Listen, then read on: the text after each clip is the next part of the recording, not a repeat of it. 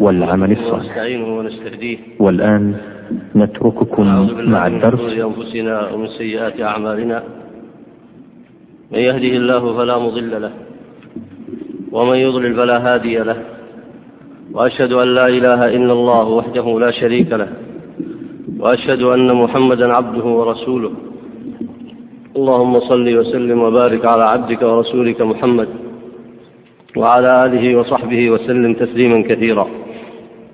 أما بعد أيها الإخوة الفضلاء السلام عليكم ورحمة الله وبركاته.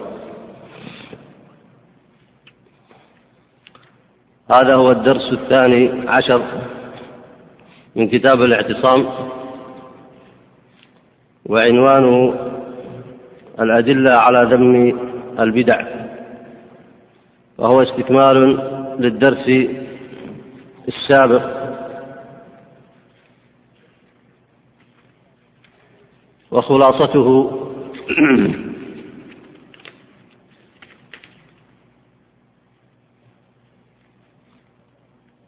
ما ذكره المصنف في تفسير آية آل عمران بقول الله تعالى هو الذي أنزل عليك الكتاب منه آيات محكمات هن أم الكتاب وأخر متشابهات. وذكر تفسير الآية عند علماء السلف رضوان الله عليهم وبين الدليل على أن أهل الابتداع يعرفون بهذين الوصفين. الوصف الأول اتباع المتشابه وترك المحكمات. وقد بينت في الدرس الماضي ما المقصود بالمحكمات وما المقصود بالمتشابه. الثاني من أوصافهم المجادلة بالمتشابه برد المحكمات. ومن المحكمات التي أشرت إليها في الدرس الماضي هو ما عليه علماء السنة والاتباع من الدعوة إلى التوحيد والتحذير من الشرك. هذه من المحكمات التي هي كما قال شيخ الإسلام ابن تيمية وغيره هو الدين المشترك بين الأنبياء جميعا. ومن المحكمات لزوم أصول أهل السنة والاتباع. من الصحابة رضوان الله عليهم ومن تبعهم بإحسان. وكليات الدين المعلومة وأركان الإسلام. ومن المحكمات أيضا التحذير من البدع المخالفة للكتاب والسنة. فأهل السنة والاتباع يعرفون بدعوتهم للمحكمات ورد المتشابه الذي يشتبه على الخلق إلى تلك المحكمات البينات. ولعلكم تلاحظون أن هذين الوصفين متضادين أن هذين الوصفين متضادان. الوصف الأول لأهل البدع هو اتباع المتشابه وترك المحكمات المعلومة من دين الله. وأوصاف أهل السنة العمل بالمحكمات المعلومات ورد ما اشتبه عند الناس في معنى الدين رده إلى تلك المحكمات.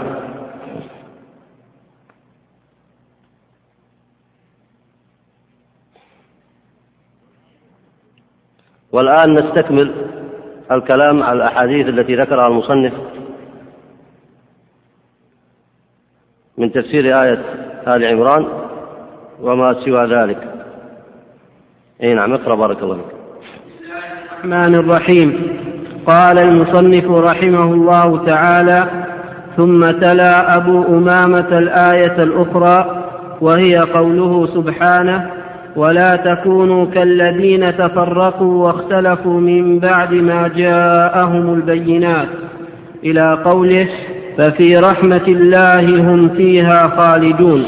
هذا حديث أبي أمامة سبق ذكره في الدرس الماضي عند المصنف. وهو ما رواه غالب واسمه حزور اضبطوها بالشكل اسمه بفتح الراء وتجديد الواو. وقد نزل آية آل عمران وهي قول الله تعالى هو الذي أنزل عليك الكتاب منه آيات محكمات وأخر متشابهات فأما الذين في قلوبهم زيغ فيتبعون ما تشابه منه ابتغاء الفتنة وابتغاء تأويله نزل هذه الآية على أهل البدع وذكر من أولهم الخوارج. وهذه الآيات المذكورات هنا هي ما ورد في سورة آل عمران من قول الله تعالى واعتصموا بحبل الله جميعا ولا تفرقوا إلى قول الله تعالى ففي رحمة الله هم فيها خالدون ونسوق إليكم آه، تفسير ابن كثير لهذه الآيات. اقرأ الآيات كاملة بارك الله فيك. آية ولا تكونوا إي نعم. ولا تكونوا كالذين تفرقوا واختلفوا من بعد ما جاءهم البينات. إلى قوله ففي رحمة الله هم فيها خالدون. وفسرها. وفسرها بمعنى ما فسر به الآية الأخرى فهي الوعيد والتهديد لمن تلك صفته. ونهي المؤمنين أن يكونوا مثلهم. ونقل عبيد بن حميد بن مهران قال سألت الحسن كيف يصنع أهل صوابها عبد بن حميد. صححوها ها؟ صوابها عبد بن حميد بن مهران. أي نعم. ونقل عبد بن حميد بن مهران قال سألت الحسن كيف يصنع أهل هذه الأهواء الخبيثة بهذه الآية في آل عمران ولا تكونوا كالذين تفرقوا واختلفوا من بعد ما جاءهم البينات قال نبذوها ورب الكعبة وراء ظهورهم. وعن أبي أمامة أيضا قال هم الحرورية. وقال, وقال ابن وهب سمعت مالكا يقول ما آية في كتاب الله أشد على أهل الاختلاف من أهل الأهواء من هذه الآية؟ يوم تبيض وجوه إلى قوله بما كنتم تكفرون. قال مالك فأي كلام أبين من هذا؟ فرأيته يتأولها لأهل الأهواء. الحديث الأول حديث عبد بن حميد بن مهران أخرجه السيوطي في الدر المنثور وعزاه لعبد بن حميد. والمعنى فيه ظاهر فإن الأهواء الخبيثة التي عورض بها التوحيد ووقعت فيها طوائف المبتدعة أدت بهم إلى الافتراق في الدين والاختلاف فيه الافتراق في معرفة التوحيد الافتراق في معرفة صفات الله الافتراق في الفرق بين الإسلام والكفر الافتراق والعياذ بالله في تحديد أنواع الشرك وهذه لا شك أنها من أساسيات الدين. فلما وقع الاختلاف بينهم في ذلك تفرقوا واختلفوا. ولاحظوا قول الله تعالى من بعد ما جاءهم البينات فكان المفروض فيهم أن لا ينبذوا هذه الآية كما قال الحسن هنا قال نبذوها ورب الكعبة وراء ظهورهم المفروض أن تكون لهم هذه الآية عبرة. وأن يكون لهم فيها بيان بحيث أنهم يرجعون إلى البينات التي قال الله عز وجل عنها من بعد ما جاءهم البينات. والمقصود بالبينات المحكمات والمقصود بالبينات المحكمات. والمحكمات كما سبق في الدرس الماضي هو الأمر المحكم الذي لا اشتباه فيه ويؤكد ذلك دلالة نصوص الكتاب والسنة على ذلك. ويؤكد رفع الاشتباه عنه إجماع السلف على ذلك. ويؤكد رفع الاشتباه عنه أن علماء السنة ذكروا ذلك في أصولهم وجعلوا ذلك فرقا بينهم وبين أهل الابتداع من هذه الأمة وبين بدع الأديان الأخرى. وجعلوا أيضا أصول هذه السنة محفوظة بينة معلومة كتبوها في كتبهم وهي كثيرة لا تحصى. فكان المفروض يرجعون إلى هذه البينات المحكمات في القرآن والسنة ويرجعون إلى علم السلف الأول البين الظاهر. وأيضا مما يدل على وضوح هذه المحكمات ما تعلمونه أن علماء السنة والاتباع نصوا على البدع التي يجب إنكارها وبينوا ذلك بيانا شافيا. فكان لأهل الأهواء هنا منجا لو أنهم أرادوا ترك أهوائهم الخبيثة وترك الشركيات والغلو في الصالحين والأولياء وترك التحريف لصفات الله وترك التحريف والتبديل لشرائع الدين وترك المناطات والبدع الفاسدة كان لهم في ذلك منجأ لو أنهم اتقوا الله واتبعوا الآيات البينات الظاهرات وهي المحكمات التي ذكرها الله في قوله هن أم الكتاب أي أصله الذي يرجع إليه. لو صنعوا ذلك لنجوا ولكنهم كما ذكر الحسن هنا رحمه الله لما سئل ماذا يصنعون بهذه الآية؟ قال رموها وراء ظهورهم نبذوها وراء ظهورهم. أي كما نبذوا العمل بالمحكمات فإنهم نبذوا العمل بهذا التحذير. ومثلها ما ورد في الآية الأولى التي بعدها في قول ابن وهب في نفس الآية سمعت مالكا يقول ما آية في كتاب الله أشد على أهل الاختلاف من أهل الأهواء؟ أي أن هذه الآية كما سيأتي ذكره من النصوص بينها علماء السنة وقالوا تبيض يوم تبيض وجوه قالوا تبيض وجوه أهل السنة والجماعة وتسود وجوه أهل البدع والأهواء. وقول الله عز وجل بما كنتم تكفرون أي بما رجعتم القهقرى عما كان عليه النبي عليه الصلاة والسلام. وسيأتي ملحظ آخر ينبغي أن تنتبهوا له وأن وهو أن هذه الآيات أصلا هي في أهل الكفر. فإن صدر سورة آل عمران هي في النصارى. وكذلك هذه الآيات ولذلك ذكر ابن جرير نقلا عن السلف أن هناك من قال أن هذه الآيات إنما المقصود بها ما ذكر في التفرق وغيره ومثل قول الله تعالى وأن هذا صراطي مستقيما فاتبعوه ولا تتبعوا السبل فتفرق بكم عن سبيله. وعموم الآيات المذكورة قال إن ذلك في الكفار بقوله تعالى بما كنتم تكفرون. وما رجحه ابن كثير لا يتنافى مع ما ذكره ابن كثير وغيره من السلف. فإن هذه الآية عامة وهو اختيار المصنف هنا رحمه الله. فإن هذه الآيات ما ذكر في قول الله تعالى في أول سورة آل عمران وما ذكر في هذا المساق الذي نحن الآن بصدده وما ذكر في قوله تعالى وأن هذا صراطي مستقيما فاتبعوه وغير ذلك من الآيات لا ينفي أن تكون في الكفار لأنهم تفرقوا في الدين. فمعلوم أن النصارى تفرقوا في الدين إلى فرق شتى. وتفرق أيضا آه، اليهود فيه. وكذلك سائر ملل الشرك. فإنهم متفرقون في الدين بلا شك. بل الذي يكبر على على هؤلاء أن يجتمع المسلمون على دينهم الحق الذي كان عليه النبي عليه الصلاة والسلام. وتفرقهم في الدين معلوم مشاهد والأدلة على ذلك واضحة من الكتاب والسنة ذمهم. ولا يمنع أن تكون هذه الآيات أيضا في من شابههم من أهل البدع والأهواء وهذا هو الصحيح. فإذا رأيتم بعض المفسرين يذكر أنها في أهل الكفر فلا مانع أن تكون هذه الآية وما ماثلها منزل على أهل الأهواء. فإذا سئلت ما الدليل على ذلك؟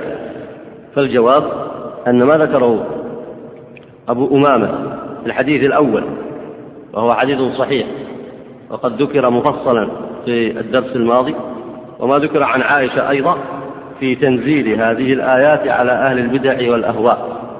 ويستفاد من ذلك ذكر الأوصاف السابقة التي تميز أهل السنة عن أهل الأهواء. وذكروا أن من هذه الأوصاف ترك المحكمات ورد المحكمات باتباع المتشابه والجدل في المتشابه ليس هو الجدل بالتي هي أحسن في العمل بالمحكمات والدعوة إليها وإنما الجدل والعياذ بالله في رد المحكمات باتباع المتشابه فهو جدل مقيد. الجدل إنما كان مذموما لأنه في هذا الموضع اتباع للمتشابه ورد المحكمات به. فهذا هو دين النصارى لأنهم ردوا خبر النبي عليه الصلاة والسلام في إثبات ألوهيته في عفوا في إثبات آه، نبوته عليه الصلاة والسلام. وردوا المحكم من قول عيسى عليه السلام في إثبات ألوهية الله. وجعلوا عيسى إلها. وكذلك سائر طوائف الشرك. زعموا أنهم يتقربون إلى الله واتبعوا المتشابه وتركوا المحكم وهو أنه لا يعبد إلا الله وحده ولا يعبد إلا بما شرع.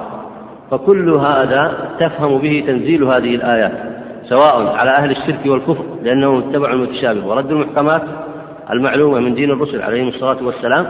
وكذلك أهل الأهواء في هذه الأمة اتبعوا المتشابهات وردوا المحكمات من دين محمد صلى الله عليه وسلم. أي نعم اقرأ بارك الله فيك. ورواه ابن القاسم وزاد قال لي مالك إنما هذه الآية لأهل القبلة وما ذكره في الآية قد نقل عن غير واحد كالذي تقدم للحسن. وعن قتادة في قوله تعالى كالذين تفرقوا واختلفوا يعني أهل البدع. وعن ابن عباس في قوله يوم تبيض وجوه وتسود وجوه قال تبيض وجوه أهل السنة وتسود وجوه أهل البدعة. هذا أثر ابن عباس هنا أخرجه اللالكائي في أصول اعتقاد أهل السنة. ولفظه فأما الذين ابيضت وجوههم فأهل السنة والجماعة وأولو العلم. وأما الذين اسودت وجوههم فأهل البدع والضلالة. ولاحظوا أنه لم يسمي سمى أهل السنة والجماعة أهل العلم لأن أهل البدع والضلالة لا يسمون أهل العلم ولا يعدهم العلماء في أهل العلم. كما سيأتي من نقل كلام ابن عبد البر وغيره بل الإجماع على أنهم لا يعدون في أهل العلم ولا يعد خلافهم خلافا ولا تنقل آراءهم إلا على وجه الرد والإنكار. أي نعم. ورواه أيضا ابن أبي حاتم والبغوي في التنزيل هذا الدليل الذي ذكره المصنف هنا بطوله هو تأكيدا لما سبق من كلامه على حديث أبي أمامة في تفسير قول الله تعالى آه، فأما الذين في قلوبهم زيغ فيتبعون ما تشابه منه. فاتباع المتشابه ورد المحكم علامة من علاماته. والتفرق في الدين أي التفرق عن الحق. التفرق عن الحق وعدم العمل به وعدم العمل بالمحكمات. هذا معنى التفرق عن الدين. التفرق عن الدين معناه ترك المحكمات وعدم العمل بها والدخول في المتشابه. إذا دخلوا في المتشابه وتركوا المحكمات وقعوا في التفرق عن الدين. ثم باتباعهم المتشابه تفرقوا فيما بينهم. تفرقوا فيما بينهم. ولذلك عصم الله أهل السنة بجمعهم على أصول السنة المعلومة. فإذا قاموا بها ونصروها ودعوا إليها فإنهم حينئذ قد عصمه الله عصمهم الله من التفرق عن الدين ومن التفرق في الدين. آه، من المناسب أن نذكر لكم تفسير ابن كثير لهذه الآيات حتى تتبينوا. آه، نقول المصنف التي ذكرها فإنها لا تخرج عما ذكره أهل التفسير. أول هذه الآيات قول الله تعالى ولتكن منكم أمة. وقبلها قول الله تعالى واعتصموا بحبل الله جميعا ولا تفرقوا. قال ابن كثير ولتكن منكم أمة منتصبة للقيام بأمر الله في الدعوة إلى الخير والأمر بالمعروف والنهي عن المنكر وأولئك هم المفلحون. قال الضحاك لاحظوا هنا في الربط بين أوجه التفسير قال الضحاك هم خاصة الصحابة وخاصة الرواة. قال ابن كثير شوف لاحظ كيف فسر قول السلف في التفسير بينه. قال ابن كثير يعني المجاهدين. فين ورد في كلام الضحاك لفظ المجاهدين؟ الصحابة لأنه لفظ عام يدخل فيه آه، من نقلوا العلم ومن لم ينقلوه. فهم المجاهدون والرواة العلماء. قال يعني المجاهدين والعلماء. والمقصود كما قال ابن كثير بنصه أن تكون فرقة من هذه الأمة متصدية لهذا الشأن. وإن كان ذلك واجبا على كل فرد من الأمة بحسبه. وإن كان ذلك واجب. لكن كونه يجب على الأفراد لا يعني أن لا تقوم به أمة. أن تقوم به أمة أن تقوم به فرقة من هذه الأمة تقوم بالأمر المعروف والنهي عن المنكر وتقوم بالانتصاب للقيام بالحق. وإن كان ذلك واجبا على كل فرد بحسبه. وقوله تعالى ولا تكونوا كالذين تفرقوا واختلفوا من بعد ما جاءهم البينات. قال ابن كثير رحمه الله ينهى تبارك وتعالى هذه الأمة أن يكونوا كالأمم الماضية.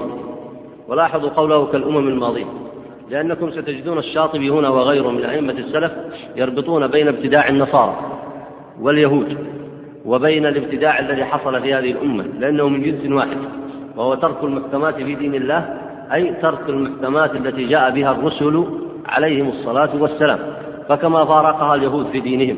وكما فارقها النصارى في دينهم وكما فارقها المشركون في دينهم كذلك فارقتها طوائف من هذه الأمة. قال ابن كثير ينهى تبارك وتعالى هذه الأمة أن يكونوا كالأمم الماضين في افتراقهم واختلافهم وتركهم الأمر بالمعروف والنهي عن المنكر. والمعروف الأكبر هو التوحيد. والمنكر الأكبر هو الشرك. فتركهم الأمر بالمعروف والنهي عن المنكر مع قيام الحجة عليهم. ولاحظ هنا الربط في التفسير بين الاختلاف والتفرق في الدين وترك القيام بشرائعه. أما إذا كان الاختلاف لا يؤدي إلى التفرق في التوحيد ولا ترك أصول أهل السنة والجماعة ولا يؤدي إلى ترك الأمر معروف والنهي عن المنكر فإنه حينئذ يكون من الاختلاف السائر كالذي وقع بين الصحابة رضوان الله عليهم وهو من مسائل الاجتهاد وهو من مسائل الاجتهاد ومنه القتال الذي وقع بين علي ومعاوية وكذلك كثير من المسائل التي اختلفوا فيها. فإنما اتفقوا عليه هو المحكمات وما اختلفوا فيه إنما هو من مسائل الاجتهاد رضوان الله عليهم أما من جاء بعدهم فقد اختلفوا في المحكمات البينات واختلفوا على التوحيد واختلفوا على مسائل كثيرة مما يناقضه. أما أهل اختلاف أهل البدع في المحكمات وذلك بسبب اتباع المتشابه كما ذكر سابقا. أما أهل السنة فيتفقون على المحكمات بدليل اتفاقهم على أصول أهل السنة والجماعة المعلومة والمقررة في كتب الاعتقاد الحق واتباعهم ما عليه النبي صلى الله عليه وسلم وأصحابه. ولذلك ورد في أول الآيات الأمر بالاعتصام بحبل الله. قال ابن كثير وقد وقع التفرق في هذه الأمة فافترقوا على ثلاث وسبعين فرقة منها فرقة ناجية إلى الجنة ومسلمة من عذاب النار وهم الذين على ما كان عليه النبي عليه الصلاة والسلام وأصحابه.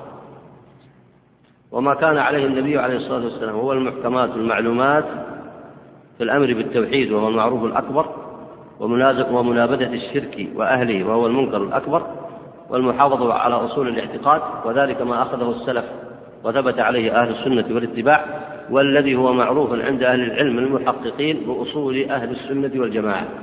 ولذلك حق على طلاب العلم أن يحفظوا هذه الأصول حرفا بحرف. ثم قال رحمه الله يوم تبيض وجوه وتسود وجوه. قال ابن عباس رضي الله عنهما يعني يوم القيامة حين تبيض وجوه أهل السنة والجماعة وتسود وجوه أهل البدعة والفرقة. لاحظوا هنا الربط في التفسير بين هذا وبين نقول المصنف رحمه الله. وقال الحسن وهم المنافقون وهو عام كما قال ابن كثير.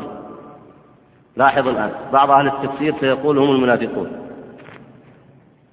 تسود وجوههم وذلك لمخالفتهم الحق واعتقادهم الباطل. ومنهم من قال أهل البدع وذلك لمخالفتهم الحق واعتقادهم الباطل. وكذلك يدخل أهل الكفر عامة وذلك لاعتقادهم لتركهم الحق واعتقادهم الباطل. فالمعنى واحد.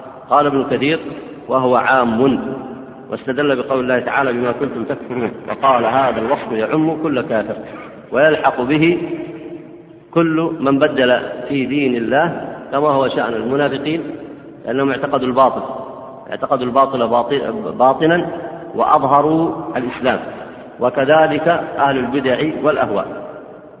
فهي إذن شاملة الآية أو الآيات فهي إذن شاملة لكل من فارق الحق من الكفار والمنافقين وأهل البدع. ولذلك ذكر ابن كثير في هذا الموضع حديث أبي أمامة السابق في الخوارج. تأملوا هذه المعاني وسيأتي ترجيح المصنف الشاطبي لهذا المعنى أيضا وتأكيده. أي نعم. هذا الدليل الثاني. الدليل الأول كما سبق في الدرس الماضي تفسير أول سورة آل عمران هو الذي أنزل عليك الكتاب منه آيات محكمات. وفسرها بصفة عامة. كما ذكر في حديث أبي أمامة وقد مضى ذلك. الدليل الثاني هو قول الله تعالى ولا تكونوا كالذين تفرقوا واختلفوا من بعد ما جاءهم البينات. وقد سمعتم ما فيه. الدليل الثالث. اقرأ بارك الله فيك. ومن الآيات قوله تعالى وأن هذا صراطي مستقيما فاتبعوه ولا تتبعوا السبل فتفرق بكم عن سبيله ذلكم وصاكم به لعلكم تتقون. فالصراط المستقيم هو سبيل الله الذي دعا إليه وهو السنة والسبل هي سبل أهل الاختلاف الحائدين عن الصراط المستقيم وهم أهل البدع. ليس المراد سبل المعاصي لأن المعاصي من حيث هي معاص لم يضعها أحد طريقا تسلك دائما على مضاهاة التشريع. وإنما هذا الوصف خاص بالبدع المحدثات لاحظوا هنا أنه أفرد الصراط المستقيم وجمع السبل فلماذا؟ من يذكر الجواب؟ أي نعم تفضل أحسنت لأن الطريق الذي يوصل إلى الله وإلى جنته هو طريق واحد هو طريق أهل السنة والجماعة ما كان عليه النبي عليه الصلاة والسلام وأصحابه ما كان عليه سلف الأمة المحكمات البينات من دين الله عز وجل كما هو معلوم. هذا هو الطريق الذي يوصل إلى الله وهو معنى الشهادتين وهو معنى الإيمان وهو معنى الإسلام. وأما إفراده آه، جمعه للسبل فلأنها السبل التي تخالف دين محمد صلى الله عليه وسلم سبل متفرقة كثيرة لا حصر لها. ولذلك سيأتي في هذا الكتاب أن البدع لا تنقطع أن البدع لا تنقطع كما أن أنواع الشرك لا تنقطع. فأنتم كما تعلمون أن من أنواع الشرك عبادة الأصنام ومنها عبادة الكواكب ومنها عبادة الشجر ومنها عبادة الملائكة. ومنها كما هو في دين النصارى أو, في أو عند العرب سابقة ومنها عبادة النجوم ومنها عبادة أنواع من الطيور ومنها آه، عبادة الأولياء والصالحين. ومنها آه، التحاكم إلى الكهان وشرائع الكفار.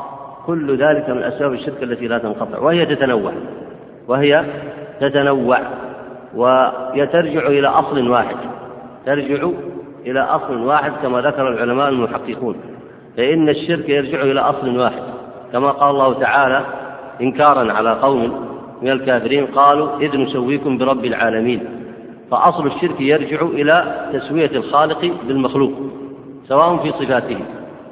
كان يقال أنه يخلق يخلق يخلق البشر كما يخلق الله.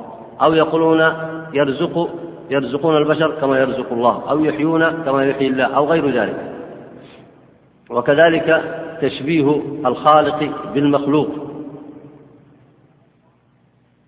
ومن ذلك أيضا التسوية إما في صفاته أو في أمره ونهيه كتسوية شريعته بغيرها وتقديم شرائع الإسلام شرائع الكفر على شرائع الإسلام.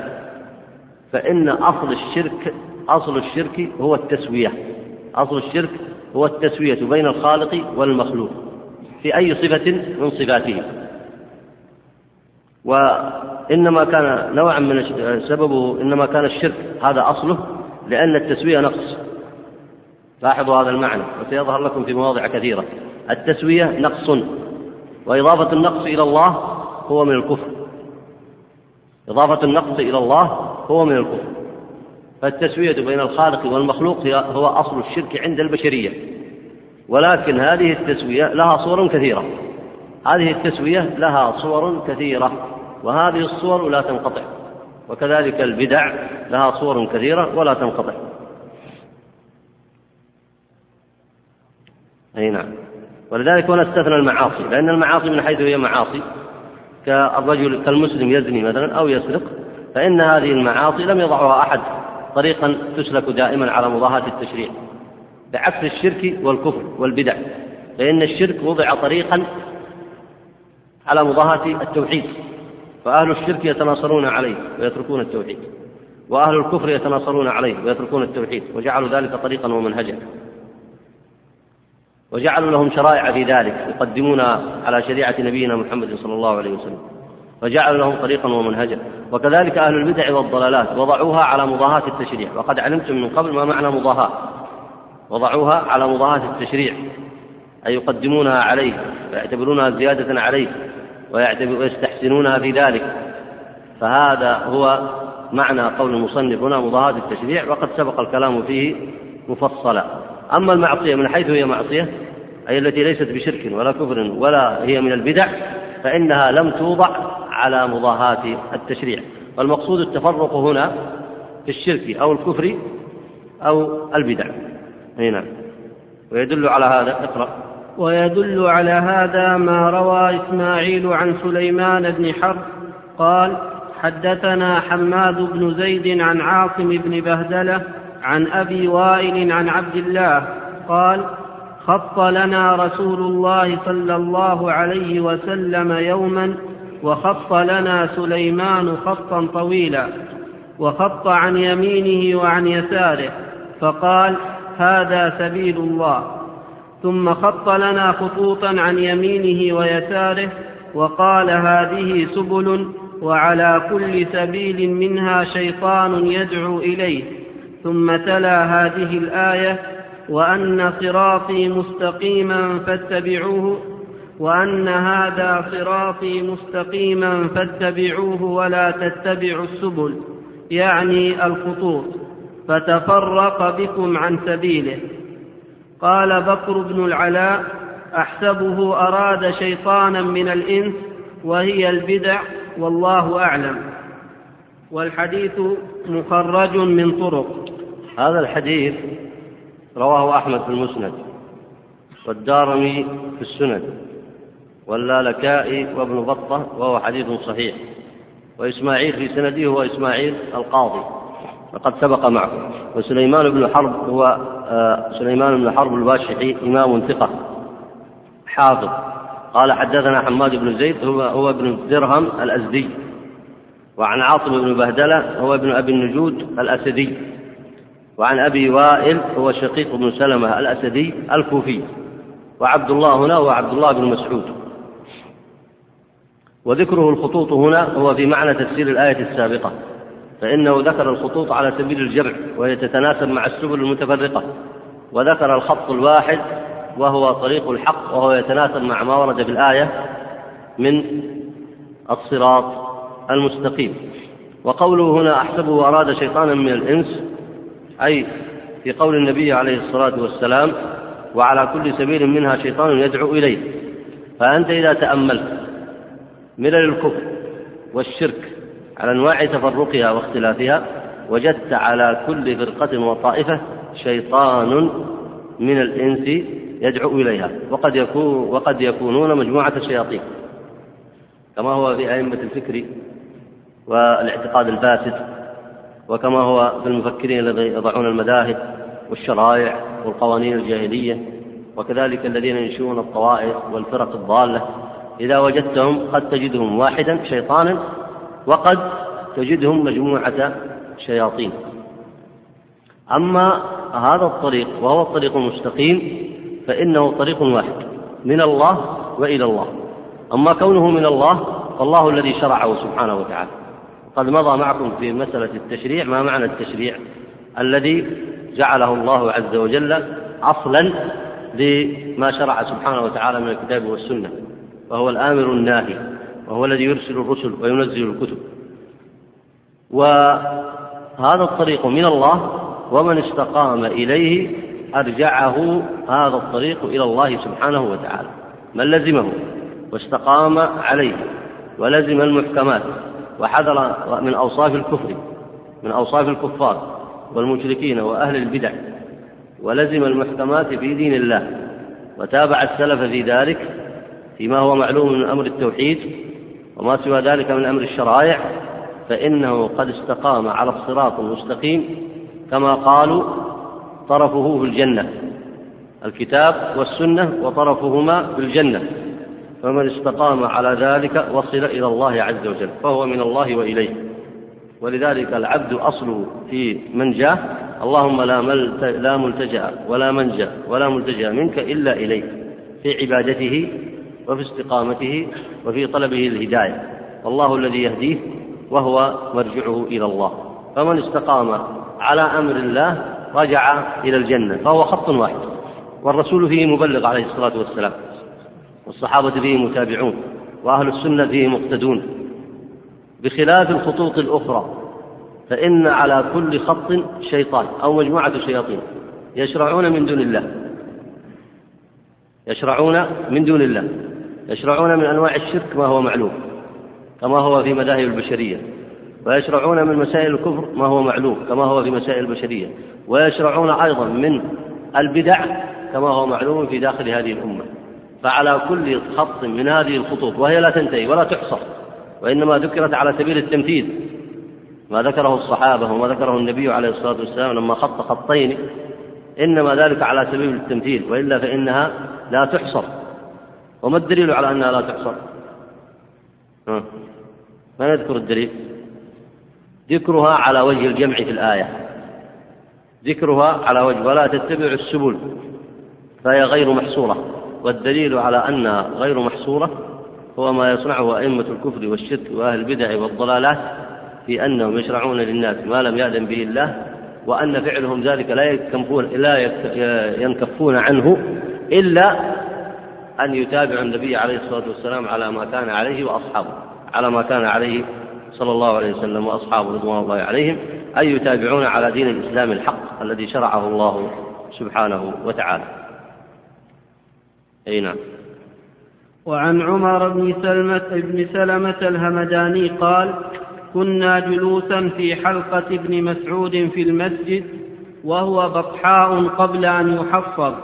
فقال له عبيد الله بن عمر بن الخطاب وكان أتى غازيا ما الصراط المستقيم يا أبا عبد الرحمن؟ قال هو ورب الكعبة الذي ثبت عليه أبوك حتى دخل الجنة ثم حلف على ذلك ثلاث أيمان ولا ثم خط في البطحاء خطا بيده وخط بجنبيه خطوطا وقال ترككم نبيكم صلى الله عليه وسلم على طرفه وطرفه الآخر في الجنة فمن ثبت عليه دخل الجنة ومن أخذ في هذه الخطوط هلك. نسأل الله العافية لنا ولكم. آه هنا لما سئل عبيد الله بن عمرو ولعله عبد الله بن عمرو؟ عفوا لعله عبد الله بن عمر ليس عبيد الله أخوه. كما ذكر آه بعض المصنفين. آه لما أتى غازيا وسأل ما الصراط المستقيم يا أبا عبد الرحمن؟ الجواب الصراط المستقيم هو الإسلام هو الحق هو القرآن. فلماذا أجابه بقوله هو رب الكعبة الذي ثبت عليه أبوك إنما ذلك للتقريب للأفهام وإلا فإن الذي ثبت عليه عمر بن الخطاب رضي الله عنه هو الإسلام وهو الحق. قال هو الذي ثبت عليه أبوك حتى دخل الجنة والحديث ذكره ابن رجب في جامع العلوم والحكم. وأما حلفه هنا على ذلك ثلاث أيمان فكما هو معلوم أن القسم يجوز تأكيدا أن القسم يجوز تأكيدا. وأما ذكره الخط فعملا بما ورد في حديث ابن مسعود رضي الله عنهم أجمعين. إي نعم. وعمرو بن سلمة الهمداني هو ثقة. قليل الحديث والحديث بطوله كما سيأتي رواه ابن جرير وابن وضاح والقرطبي. اقرأ بارك الله فيك.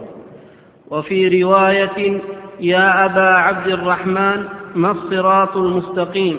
قال تركنا رسول الله صلى الله عليه وسلم في أدناه وطرفه في الجنة وعن يمينه جواد وعن يساره جواد وعليها رجال يدعون من مر بهم هلم لك هلم لك فمن أخذ منهم في تلك الطرق انتهت به إلى النار.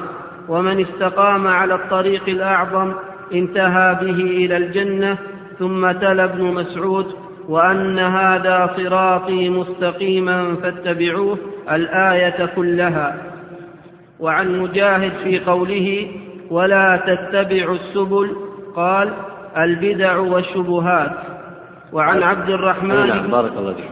هذا أخرجه الدارمي وابن بطة في الإبانة. شوف لاحظوا بارك الله فيكم هنا. طبعا معنى جواد هنا جمع جادة وهو معظم الطريق. قال وطرفه بالجنة وعن يمينه جواد وعن يساره جواد.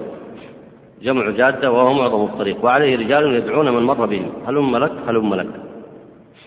تصوروا معي كم في واقع هذه الأمة من رجال يدعون إلى ضلالات كثيرة جدا جدا مخالفة لأصول أهل السنة والجماعة ومخالفة للحق الذي شرعه الله على لسان نبيه محمد صلى الله عليه وسلم. هل تريدون مثلا أن تدرسوا ما كتبه آه، علماء الفرق عن الفرق الضالة وقد نشأت في وقت آه، بعد الخلاف الذي نشأ بين الصحابة ونشوء الفرق وعد منها العلماء ما لا يحصر كما هو معلوم في كتب الملل والنحل. وهؤلاء إذا رجعتم إلى كتبهم إذا رجعتم إلى تلك الكتب التي ذكرتهم وعدتهم تجدون لهم أئمة وعلماء يدعون إلى تلك الضلالات ويؤلفون فيها كما هو كتب المعتزلة وما كما هو كتب التصوف. آه، فكم كتب كتب عن وحدة الوجود وكم كتب عن آه، غلاة التصوف وكذلك الطوائف الأخرى وهي كثيرة جدا. وأما إذا جئت للبدع المعاصرة وأنتم لاحظتم الآن أن كلام الشاطبي في البدع كلام عام يدخل فيه بدع النصارى وبدع اليهود وبدع المشركين بدع كثيرة جدا. فإذا جئتم لهذه البدع وأردت أن تسأل من كتب عن المذاهب الفكرية المعاصرة وكتب عن الأديان المبدلة لوجدت أمرا عجيبا جدا. وتجدون هذه الطوائف في طوائف اليهود والنصارى سواء في أصل مللهم ودينهم الذي افترقوا عليه أو فيما صدروه للعالم الإسلامي فيما يسمى الغزو الفكري. تجدون هذه المذاهب كثيرة. تجدون العلمانية والشيوعية وغير ذلك. ولا شك أن هذه خطوط. ولا شك أن هذه خطوط. وأن هذه مناهج. هي من الخطوط التي ذكرت والتي تفرق بها أصحابها عن الصراط المستقيم. وهي كثيرة جدا. وعلى كل طائفة من, من هذه الطوائف. وعلى كل مذهب من هذه المذاهب علماء ومفكرون وكتاب ولهم كتب ولهم طبقات في علمائهم وغيرهم.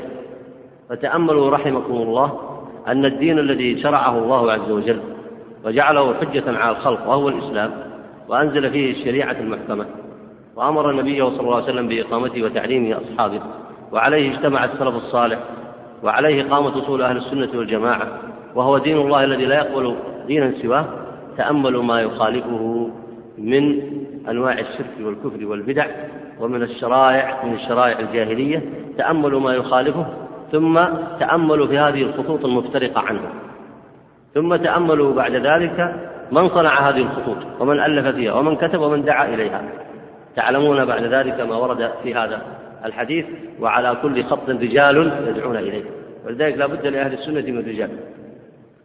ولا بد من أهل السنة من أهل علم يوضحون الحق ويدعون أهل العمى إلى الهدى ويدعون أهل الضلالة والبدع إلى السنة ويدعون إلى أصول أهل السنة ويدعون إلى علم السلف من الصحابة والتابعين ومن تبعهم ويدعون إلى الحق الذي أنزله الله على نبينا محمد صلى الله عليه وسلم. ولا ريب أن لأهل السنة رجال. وإذا قرأتم تاريخ أهل السنة علمتم هؤلاء. ولذلك لما قال لما قال عبد الله لما سئل قال هو الذي ثبت عليه أبوك. وأهل السنة يقولون وهو الذي ثبت عليه الخلفاء الأربعة وهو الذي ثبت عليه أئمة الصحابة وهو الذي ثبت عليه أئمة التابعين وهو الذي ثبت عليه الأئمة المجتهدون الأربعة وغيرهم وهو الذي ثبت عليه الأئمة من بعدهم. وفي كل عقد له مجددون ودعاة من أطاعهم واتبعهم على أصول أهل السنة والجماعة وتابعهم على طريقة السلف وتابعهم على علم التوحيد والتحذير من الشرك نجا فلزم الخط الذي قال عنه عبد الله هنا هو الذي مات الذي قيل فيه لعبد الله هو الذي مات عليه أبوه. وطرفه بالدنيا وطرفه الآخر في الجنة. ولذلك من المجددين لهذا الطريق شيخ الإسلام ابن تيمية. وقارن الآن بين نظرته للبدع ونظرة آه، الشاطبي. يقول رحمه الله في الجزء الأول الفتاوى صفحة 87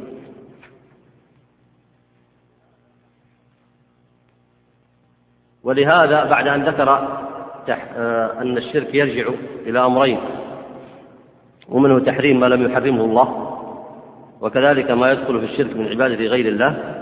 قال ولهذا كان ابتداع العبادات الباطلة من الشرك ونحوه هو الغالب على النصارى ومن ضاهاهم من منحرفة المتعبدة والمتصوفة أي في داخل الأمة.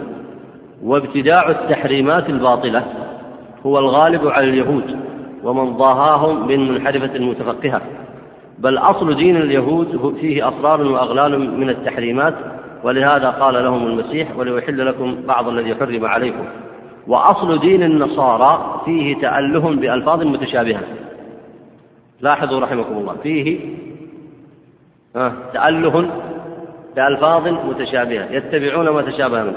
وقد مضى أمثلة كثيرة في الدرس السابق. والمقصود أن هذه الضلالات ترجع إلى جنس واحد إما إلى جنس تحريم ما لم يحرمه الله وإما إلى اتباع ألفاظ متشابهة والوقوع في البدع التي نهى الله عنها. وأفعال مجملة. فالذين في قلوبهم زيغ اتبعوا ما تشابه منه ابتغاء الفتنة وابتغاء تأويله. هذه الآية عامة اليهود والنصارى ومن شابههم من المبتدعة أو خاصة في أهل البدع في هذه الأمة. عند شيخ الإسلام عامة أو خاصة؟ وكذلك عند الشاطبي هي عامة. وكذلك عند ابن كثير وغيره من أهل التفسير. ومن ذكرها على وجه الخصوص إنما أراد أن ينزلها على بعض الأوصاف وعلى بعض الطوائف وإلا فهي عامة. قال وما قررته في غير هذا الموضع بأن توحيد الله الذي هو إخلاص الدين له والعدل الذي نفعله نحن هو جماع الدين يرجع إلى ذلك أي العدل التزام العدل الذي أمر الله به. فإن إخلاص الدين لله أصل العدل كما أن الشرك بالله ظلم عظيم.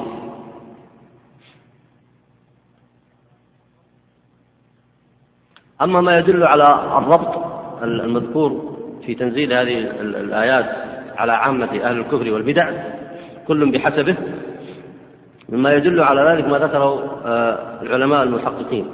لما جاءوا مثلا في البدع التي دخلت في داخل هذه الأمة كم بقي من الوقت؟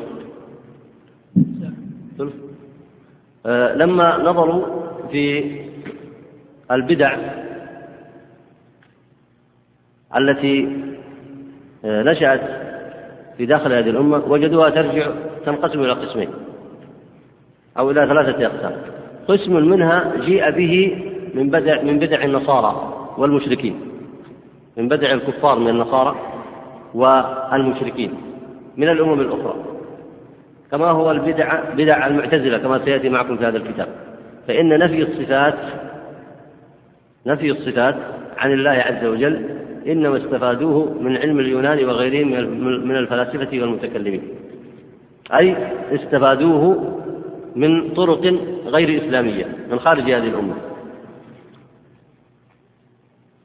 ومثله بدع غلاة التصوف كما سيأتي معكم. فإن هذه البدع مثل قول غلاة التصوف بالفناء في الله وسيأتي شرحه مفصلا. الفناء في الله أي أن يستمر الإنسان في العبادة حتى يفنى في الله. هذا أصله عند المشركين من الهنود كما ذكر المحققون من أهل العلم. وكذلك الرهبانية عند غلاة التصوف أصله عند النصارى. وكذلك الرقص والزمر والطبل في إدخاله في العبادات. فهذا أصله عند اليهود. كما ذكر بعض أهل العلم أنه في المزمور التاسع والأربعين من كتابهم في العهد القديم عندهم الذكر بأوصاف خاصة وأن يكون معه زمر وطبل وغيره. فإذا فتشت عن الفناء والرقص والزمر والطبل فإنه لم ينشأ في هذه الأمة خاصة ولم يكن معروفا. لا عند مشرك العرب ولا عند المسلمين الذين اتبعوا النبي عليه الصلاة والسلام. لم يكن هذا موجودا عندهم وإنما جاء هذا من خارج وهو شبيه بما يسميه العلماء اليوم الغزو الفكري. فكان هناك غزو فكري دخل على الأمة ودخل على أهل البدع فأخذوا أهل البدع وهلكوا فيه. ولو اتبعوا الخط الواحد فهو الصراط المستقيم الذي ثبت عليه الصحابة لما هلكوا في ذلك. وهناك من البدع ما ينشأ في الطائفة نفسها كما هو بدع الخوارج. فإن بدع الخوارج لم يأخذوها من اليونان مثلا ولا من النصارى ولا من من الأديان الأخرى وإنما نشأت عندهم بسبب جهل بمقاصد الشريعة وبسبب جهل بلغة العرب وبسبب تعظيم الأمر والنهي. كيف عظموا الأمر والنهي؟ تعظيم الأمر والنهي هو دين المسلمين وهو حق. لكنهم زادوا في التعظيم حتى جعلوا المعصية كالزنا والسرقة المخالفة فيها المخالفة فيها كالمخالفة في الكفر الأكبر. وهذا التعظيم مذموم نعم أنت تعظم الأمر والنهي وتكره المعاصي لكن لا يمكن أن تجعل مرتبة المعاصي كالزنا والسرقة أن تجعلها في مرتبة الكفر والشرك. لا يمكن. كالذين أرادوا أن يعبدوا الرسول قالوا تعظيما له نحن نعبد الرسول. أو آه، ندعو الصالحين تعظيما لهم. فهذا التعظيم مذموم أصلا. نعم تحب الصالحين وتواليهم لكن لا تعظمهم. وكذلك تعظم الأمر والنهي في أمر الله لكن لا يمكن أن تجعل المعصية التي ليست بشرك في درجة الكفر والشرك. فبدع الخوارج نشأت من عندهم بسبب آه، عدم تدبرهم وتعلمهم. ومن ذلك أيضا من البدع التي اجتمع فيها الأمر الأول والثاني أن تكون من الخارج ومن داخل الطائفة بدع الباطنية والرفض والتصوف بصورة عامة. ولعل في كلام شيخ الإسلام ابن تيمية المذكور ما يدل على شيء من هذا المعنى. وقد أشار إليه مفصلا في الفتاوى في مواطن في مواطن كثيرة ويأتي معكم إن شاء الله في بيان آه، الكلام على البدع بالتفصيل عندما يذكرها الشاطبي في كل موضع بحسبه. اكمل الكلام على الآية. طبعا أي نعم ذكر تخريج الحديث. اقرأ بارك الله فيك.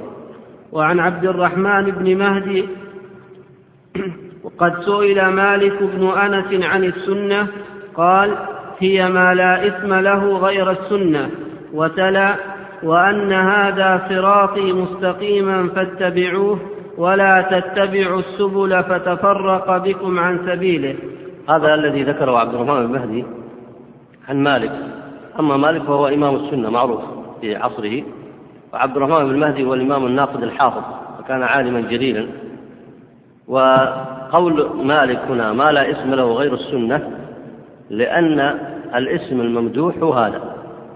الاسم الممدوح الذي يجب الإنسان أن يتعلق به. هو الإسلام والسنة. الإسلام والسنة.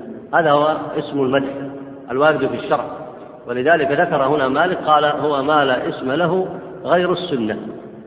ولذلك ينبغي الإنسان أن يدعو بدعاء يقول اللهم أمتني على الإسلام والسنة. لأن أهل البدع يقومون ينتسبون الإسلام ويقومون ببعض شرائعه.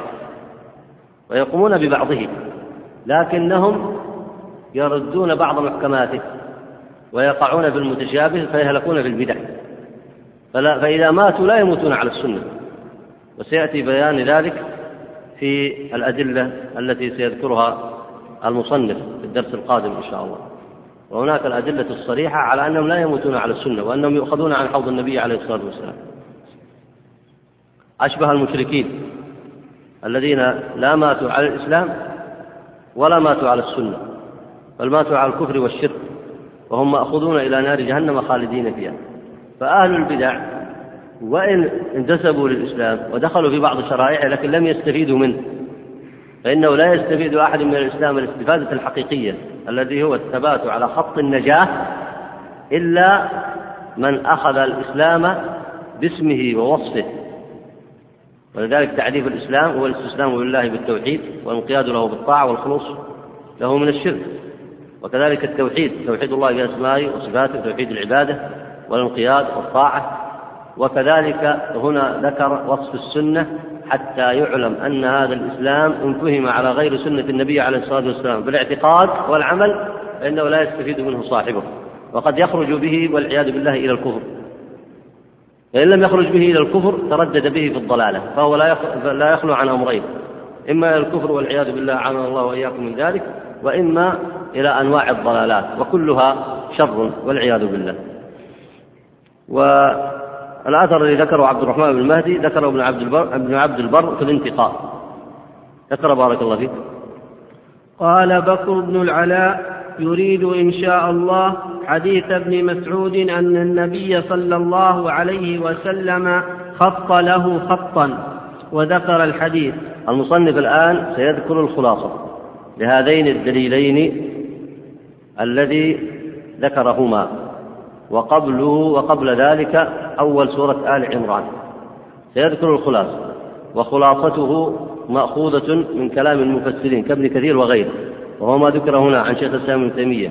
وغيره من العلماء المحققين وهو قول عامة السلف. اقرأ الخلاصة. فهذا التفسير يدل على شمول الآية لجميع طرق البدع لا تختص ببدعة دون أخرى. أي تشمل بدع النصارى واليهود والمجوس والمشركين والخوارج والمعتزلة.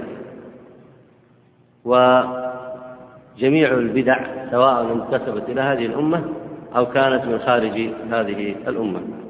وعلى ذلك تنزل الآيات السابقة جميعا. والله أعلم. صلى الله وسلم على عبده ورسوله محمد وعلى آله وصحبه أجمعين. هناك بعض الأسئلة التي يعني تأخرت من ممكن الإشارة إليها باختصار.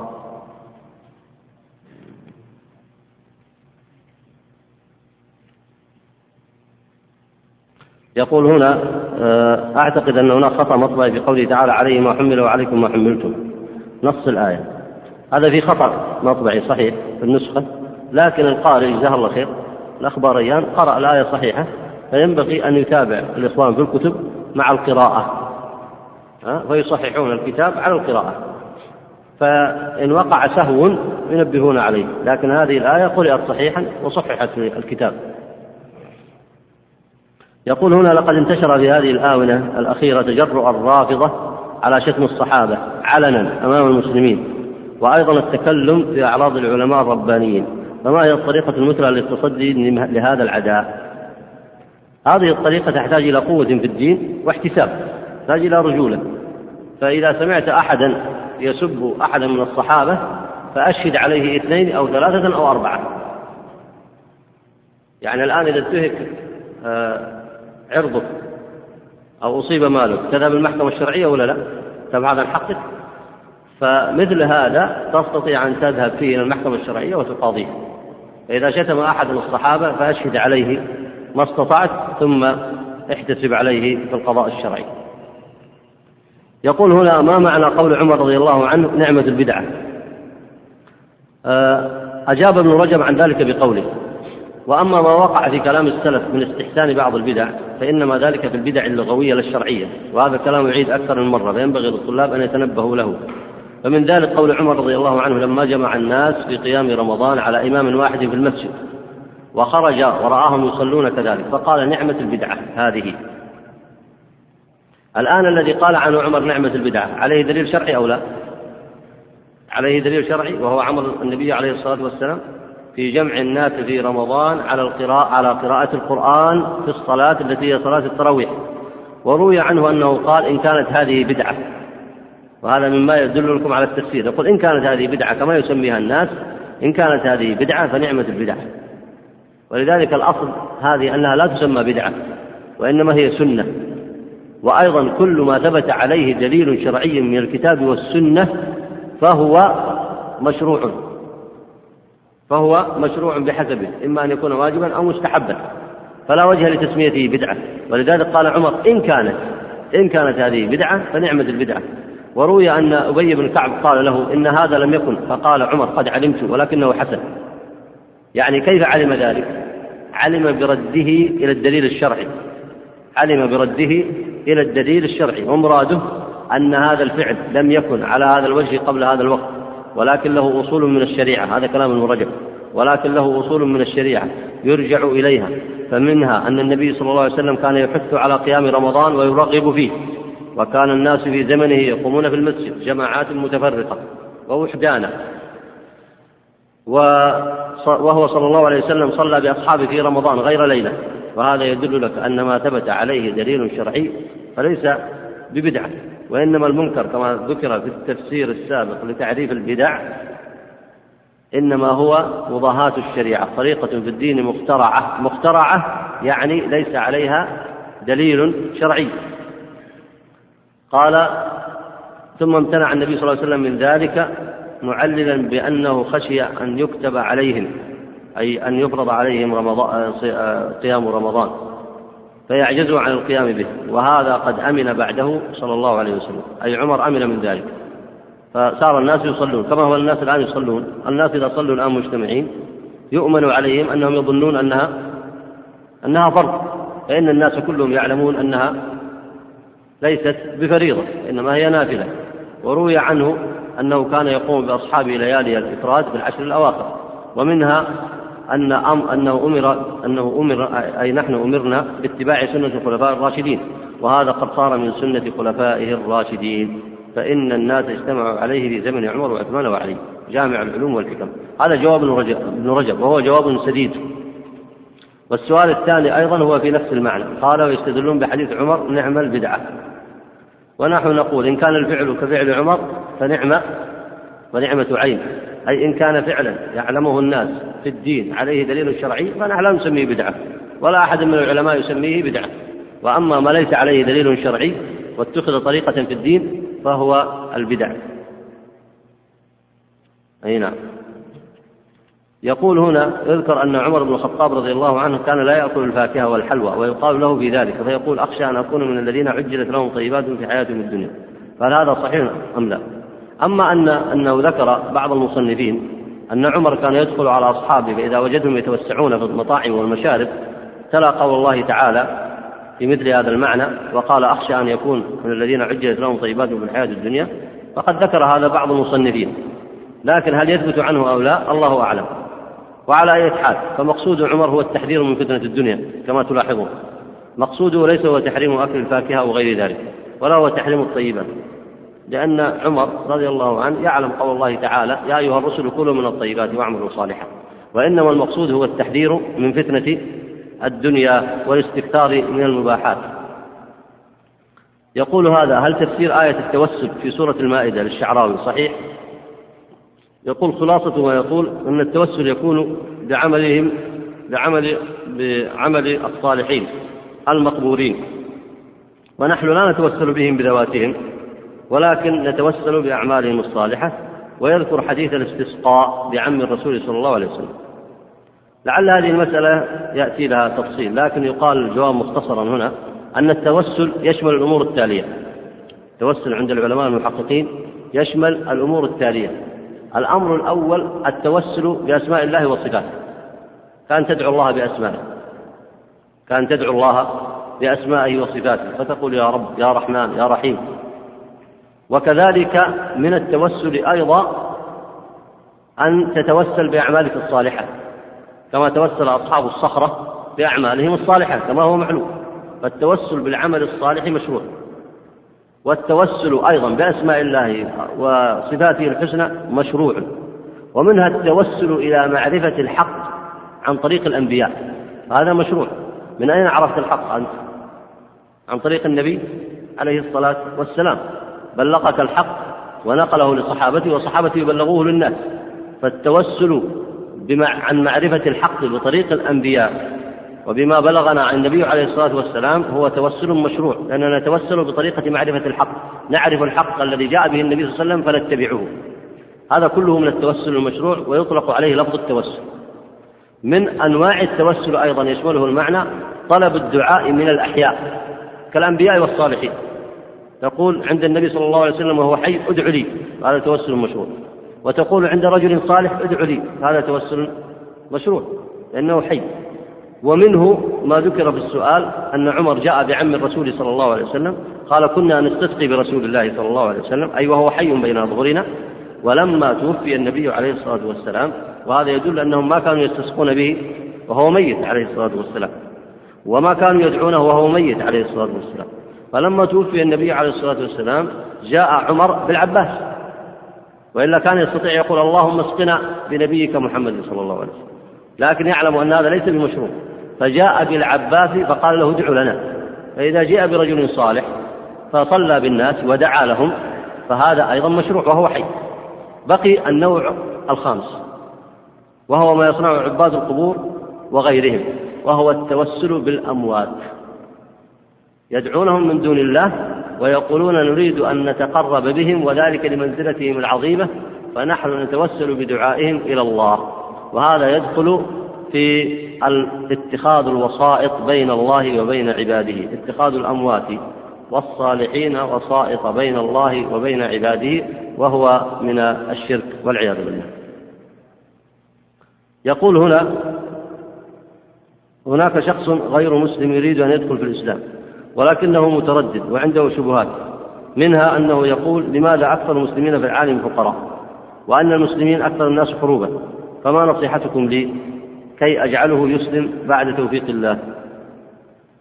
هذا الجواب ويقول وأرجو إرشادي إلى بعض الكتب المترجمة باللغة الإنجليزية. هذا الجواب عليه أن تعلمه الإسلام.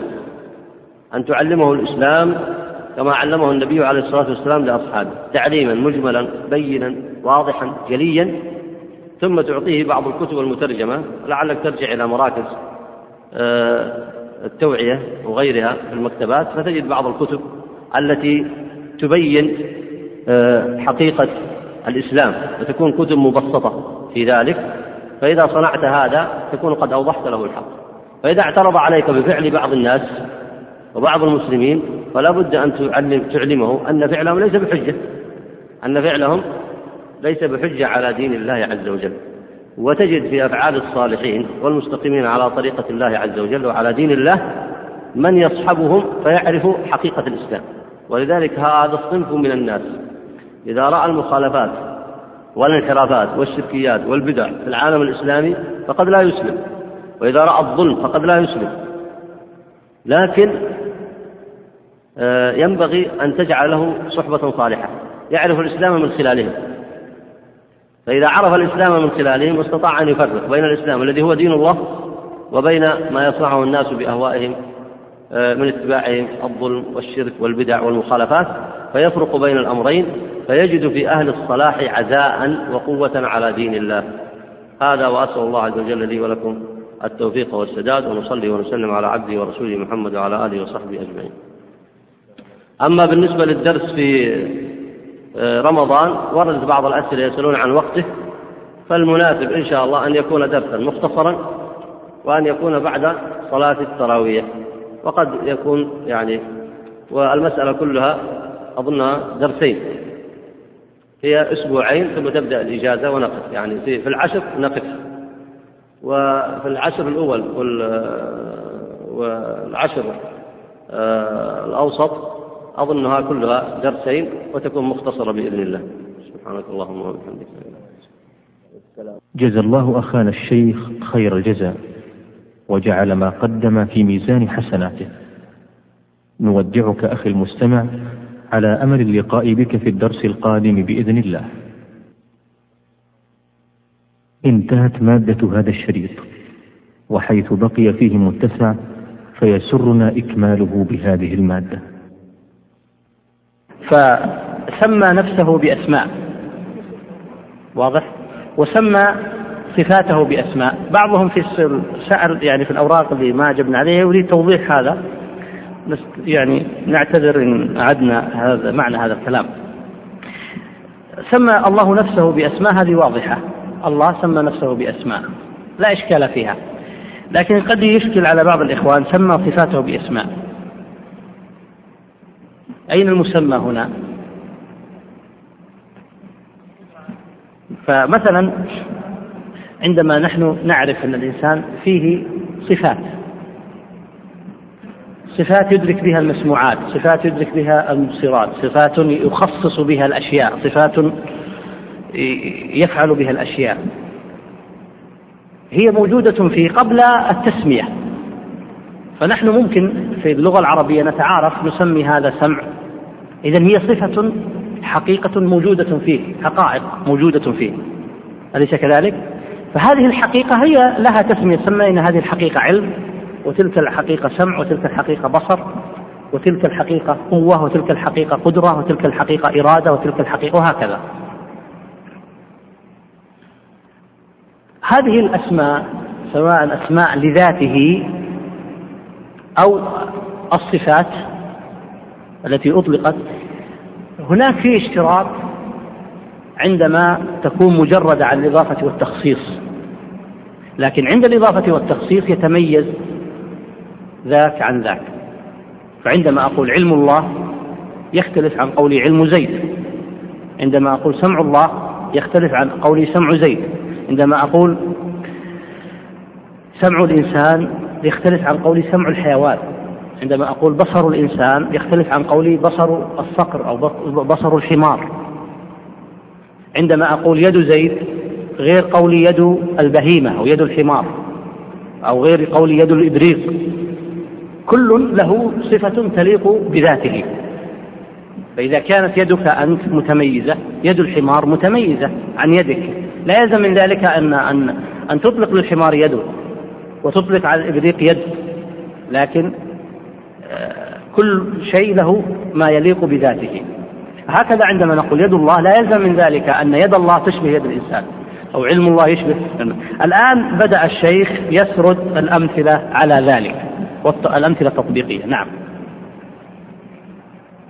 قال شيخ الإسلام رحمه الله فقد سمى الله نفسه حيا فقال الله لا إله إلا هو الحي القيوم.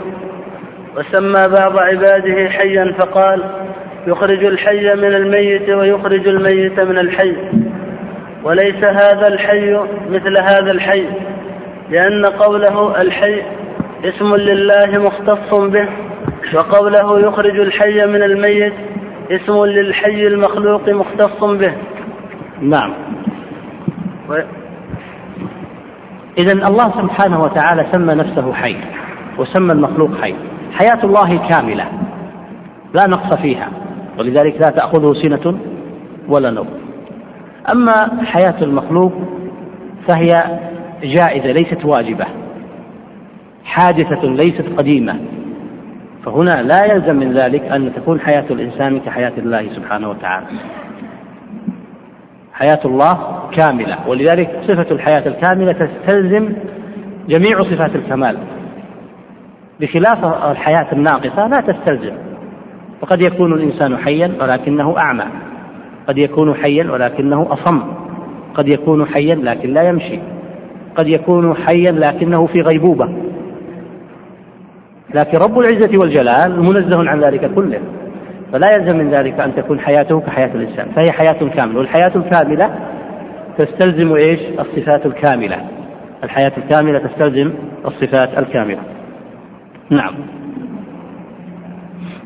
وإنما يتفقان إذا أطلقا وجردا عن التخصيص ولكن ليس للمطلق مسمى موجود في الخارج ولكن العقل يفهم من المطلق قدرا مشتركا بين المسميين وعند الاختصاص يقيد ذلك بما يتميز به الخالق عن المخلوق والمخلوق عن الخالق. نعم. فإذا هنا يعني إعادة لما سبق تقديره أن المطلق لا وجود له في الخارج. والقول بوجود مطلق في الخارج أو المثل قر به الفلاسفة. يقولون في كليات في الخارج أو المطلقات أو المثل المثل الأفلاطونية. قال به بعض الفلاسفة لكنه هذا خطأ. الصحيح لا يوجد مطلق في الخارج. إنما الموجود في الخارج إيش؟ المقيد أو الجزئي إذا لا كلي ولا مطلق. إنما يوجد مقيد أو جزئي أو أفراد أجزاء. أما ما ذهب إليه بعض الفلاسفة من وجود مطلق كلي مطلقات مثل الإنسان الكلي أو الحيوان الكلي أو الكليات المجردة وهي يقول لا داخل على هذا كلام باطل.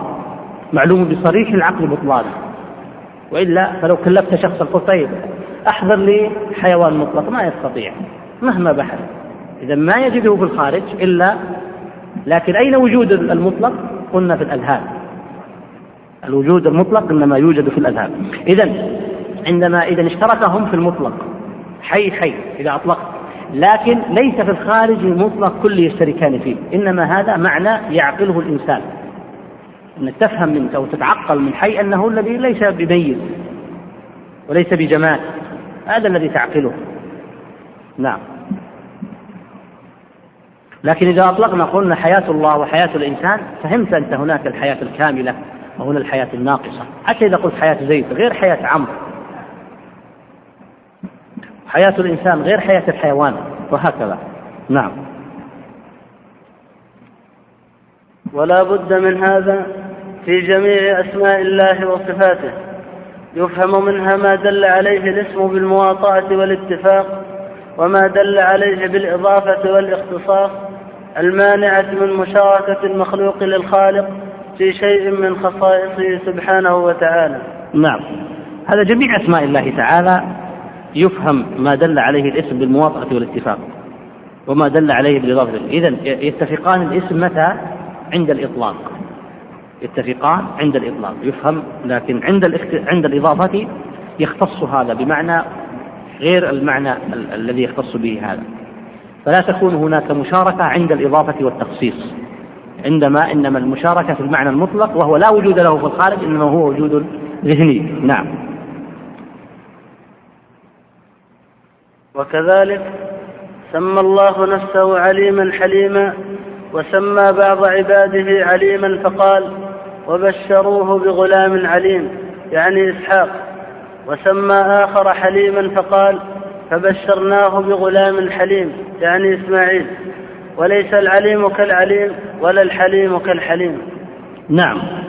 يعني هو يعني هنا رد على الجهمية والغلاة الذين يزعمون أن إطلاق الأسماء أو الاشتباه في الأسماء يدل على التمثيل والتشبيه. ولذلك رفضوها كما بان مذهبهم.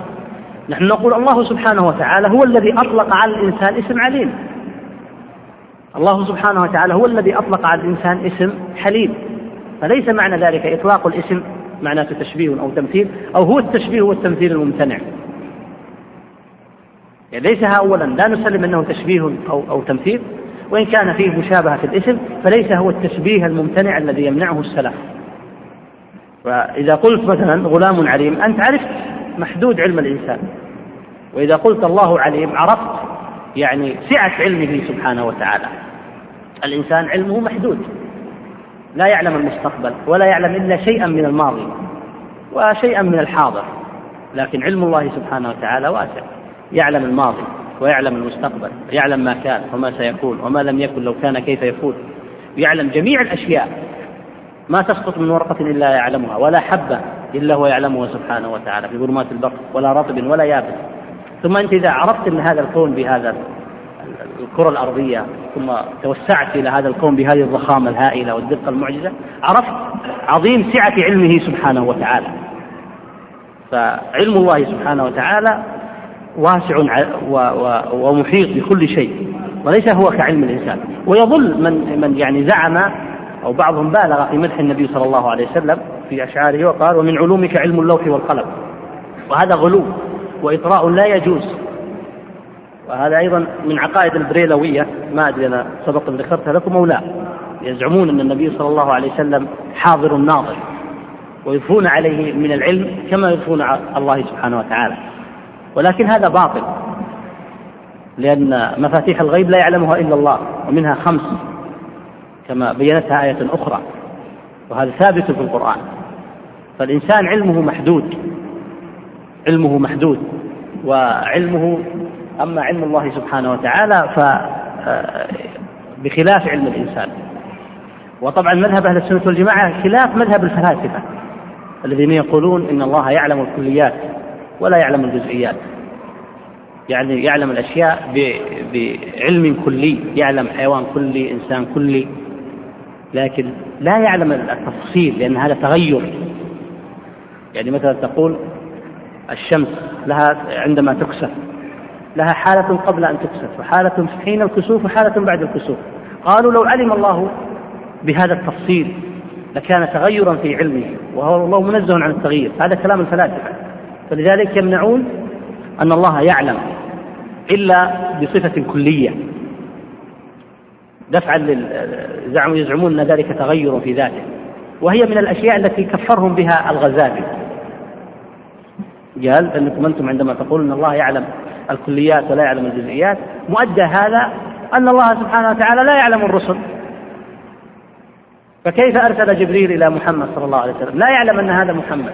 هذا هذا هذا لازم قولهم. يعلم إنسان كلي لكن لا يعلم محمد وموسى وعيسى وإبراهيم ولا يعلم تفاصيل الأشياء. وهذا كلام باطل خلاف للعقل. كيف يكون الإنسان يعلم بعض الجزئيات فيكون الإنسان أعلم من الله؟ تعالى الله عما يقول الظالمون علوا كبيرا. فهذا لازم مذهب الفلاسفة. على السنة والجماعة لا يقولون الله سبحانه وتعالى يعلم كل شيء. آه، وهي صفة ذاتية. ويعلم الشيء عندما يقع ولا يلزم من ذلك التغير في ذاته سبحانه وتعالى. إنما التغير في المعلوم وليس في ذاته سبحانه وتعالى. نعم.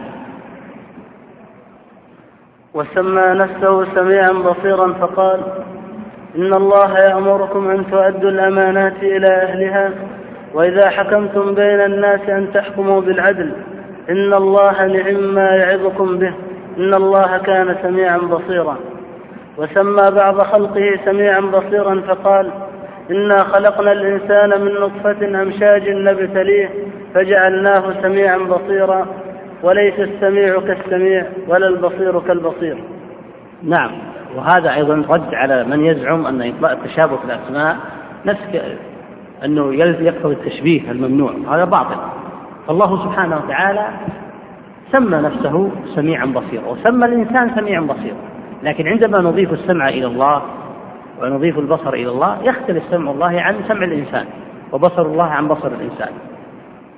يعني الله سبحانه وتعالى التعلق يعني السمع أو سميع هو فعيل هو إدراك. تارة يكون إدراك الألفاظ. وتارة يكون إدراك المعنى. وتارة يكون سميع بمعنى الاستجابة. مثل قول سمع الله لمن حمده. كما تقول يعني يستجيب. وتارة بمعنى الانقياد. هذه معاني السمع. سماعون الكذب يعني ينقادون له. والله سبحانه وتعالى إذا إدراكه للأصوات لفظا ومعنى يعني يدرك المعنى. أنت الآن قد تسمع صوت لكن ما تدري وش يقول. تسمع صوت الطير ولا تدري ماذا يقول. تسمع بلغة أخرى ما تدري ما يقول.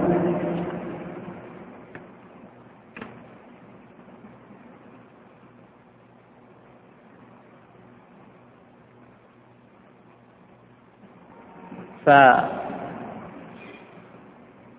فالله سبحانه وتعالى إدراكه يدر... سميع بمعنى أن يدرك الأصوات وإن خفتت ولا يشغله سمع عن سمع. فأنت إذا تقول الله سميع تعلم أن الله سبحانه وتعالى يدرك جميع الأصوات في آن واحد لا يشغله سمع عن سمع ولا صوت عن صوت. ويبصر يبصر جميع الأشياء. ما في موانع عن إبصاره سبحانه وتعالى. والله سبحانه وتعالى أيضا من عقيدة أهل السنة والجماعة أنه يسمع بسمع ويبصر ببصر بعين. خلافا لمن قال أن سمعه هو العلم بالمسموعات وبصره علم بالمبصرات. السمع شيء زائد على العلم. السمع إدراك زائد عن عن عن العلم. خلافا لمن قال ذلك من المتكلمين. ينسب إلى بعض الأشاعرة وينسب إلى المعتزلة. فالله سبحانه وتعالى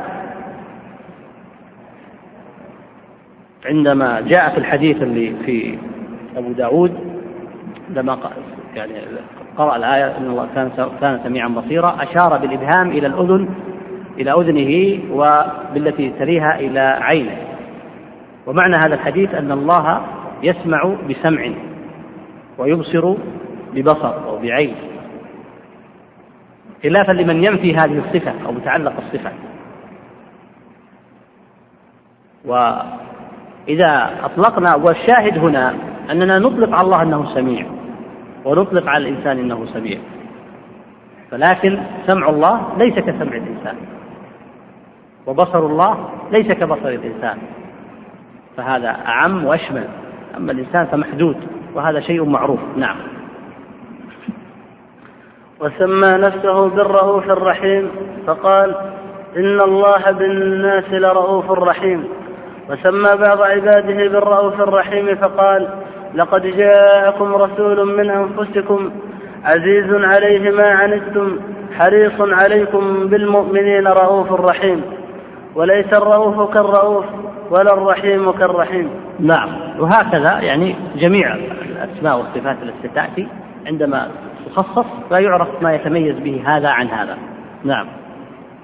وسمى نفسه بالملك فقال الملك القدوس وسمى بعض عباده بالملك فقال وكان وراءهم ملك يأخذ كل سفينة غصبا. وقال الملك ائتوني به وليس الملك كالملك. نعم. الملك القدوس القدوس يعني الطاهر أو اللي تقدسه الملائكة. وطبعا الله ملك سمى نفسه الملك وسمى بعض خلقه بالملك. لكن أنت لما تقول يعني حتى بين البشر هذا ملك. فأنت تعرف محدودية ملكه. لكن الله سبحانه وتعالى ملكه شامل. يعني ليس كملك الإنسان. الإنسان ملكه محدود في زمن محدود ومكان محدود وأشياء محدودة. ولكن الله سبحانه وتعالى مالك الملك. حتى الملك من يهب الملك لهؤلاء؟ هو الله سبحانه وتعالى. قل اللهم مالك الملك. تؤتي الملك من تشاء وتنزع الملك ممن تشاء. فإذا إذا أطلقنا الملك لله تعالى يعني خالف عندما تطلقه على الإنسان وهذا شيء معروف. لكن نسمي الله ملك ونسمي الإنسان ملك ولا يلزم من ذلك التشابه. الممنوع. نعم. هذا هو الشاهد. وسمى نفسه بالمؤمن فقال المؤمن المهيمن. وسمى بعض عباده بالمؤمن فقال أفمن كان مؤمنا كمن كان فاسقا لا يستوون. وليس المؤمن كالمؤمن. يعني المؤمن يعني أذن خلقه من أن يظلمهم وقيل الذي يصدق المؤمنين. وقيل بأنه شهد الله أنه لا إله إلا هو. يعني يصدقهم بالمعجزات يؤيد الرسل بالمعجزات تصديقا لهم المهيمن يعني الرقيب الشاهد على فأيضا سمى نفسه مؤمن وسمى بعض عباده المؤمن وليس المؤمن كالمؤمن. نعم. وسمى نفسه بالعزيز فقال العزيز الجبار المتكبر.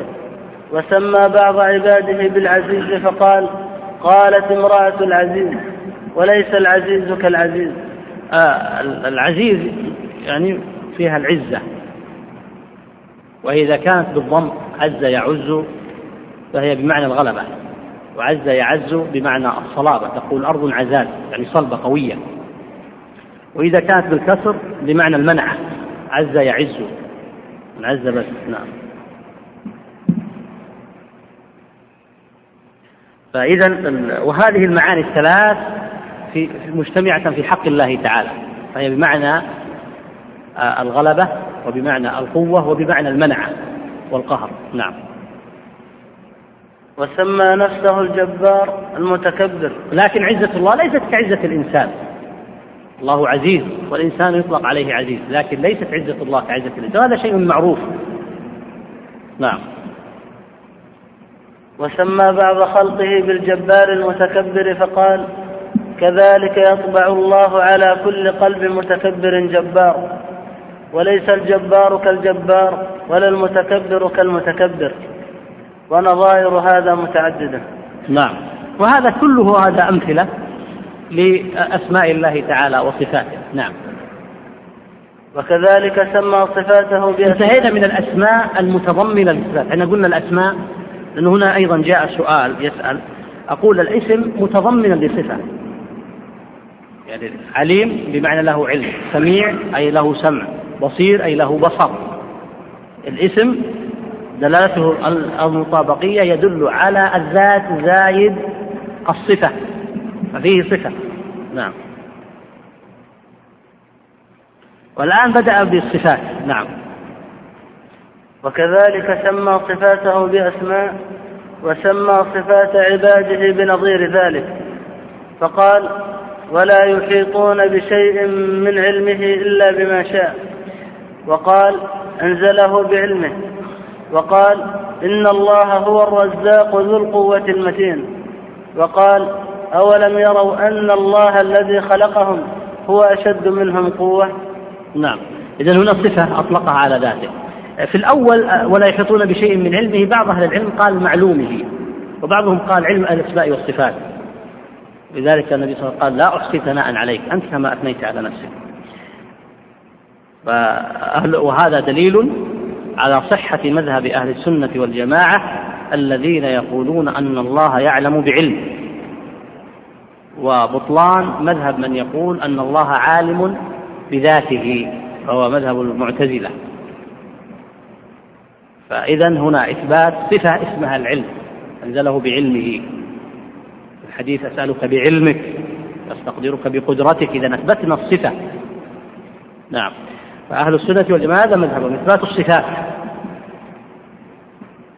لكن من يخالفهم كالمعتزلة يقولون لا أنه عالم بذاته لأنه إذا أثبت هذه الصفات قديمة لازم من ذلك تعدد القدماء ولزم من ذلك التشبيه. هذا باطل. الله هو الذي لو كان ذلك منكر وباطل لما نسب إلينا إلى نفسه أن له علم. لا يمكن أن المعتزلة تكون أعلم من الله وأعلم من رسول الله صلى الله عليه وسلم. فالله أعلم. وقد سبق أن بينا لكم أن أنه كلام الله تعالى وكلام رسوله مقدم لأنه أعلم وأفصح وأصدق. من أصدق من الله حديثا؟ لا أحد. إنما الكلام يكون مخالف للواقع والحقيقة لأسباب. إما لجهل صاحبه أو لعدم فصاحته أو لكذبه.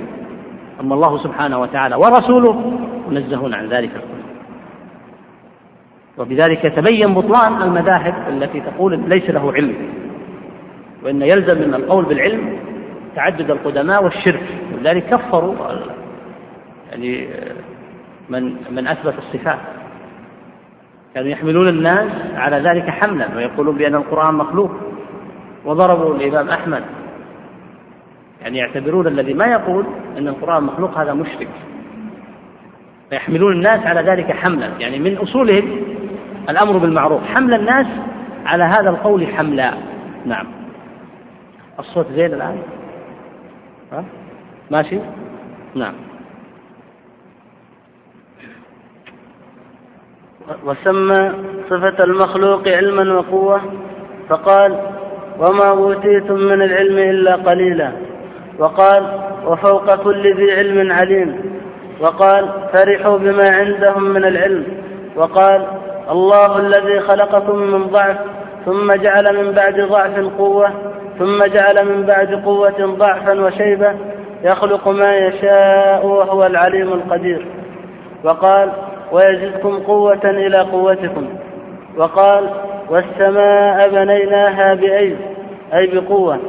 وقال واذكر عبدنا داود ذا الأيد أي ذا القوة. وليس العلم كالعلم ولا القوة كالقوة. نعم يعني أنت الآن ممكن تثبت يعني المعرفة والعلم للحيوان لكن معرفة الحيوان مثلا تقول هذا الحيوان يعرف الطريق الحمار يعرف الطريق النحل مثلا تعرف كيف تبني بيتها. فتثبت له علم لكن ليس علمه كعلم الإنسان. علمه مثلا قد يكون غير علم الإنسان الذي هو يبني على معلومات ونظريات ويستنتج استنباطات. هذا ما هو من خصائص الذر عنده علم ويعرف كيف يصل إلى مطعوم ويخزنه ويحتاط لنفسه. لكن هذا كله من الله سبحانه وتعالى. يعرفه بفطرته يعني ليس ليس كسبيا. أما الإنسان فيختلف علمه. لكن عندما تقول علم الحيوان عندما تقول علم الإنسان لا يلزم من ذلك أنك شبهت العلمين. وعندما تقول علم الله وعلم الإنسان لا يلزم من ذلك التشبيه. وكذلك عندما تقول القوة مثلا تقول قوة الذرة الذرة لها قوة. تستطيع تصعد وتنزل. تصعد وتنزل بإيش؟ بأي صفة؟ بصفة القوة.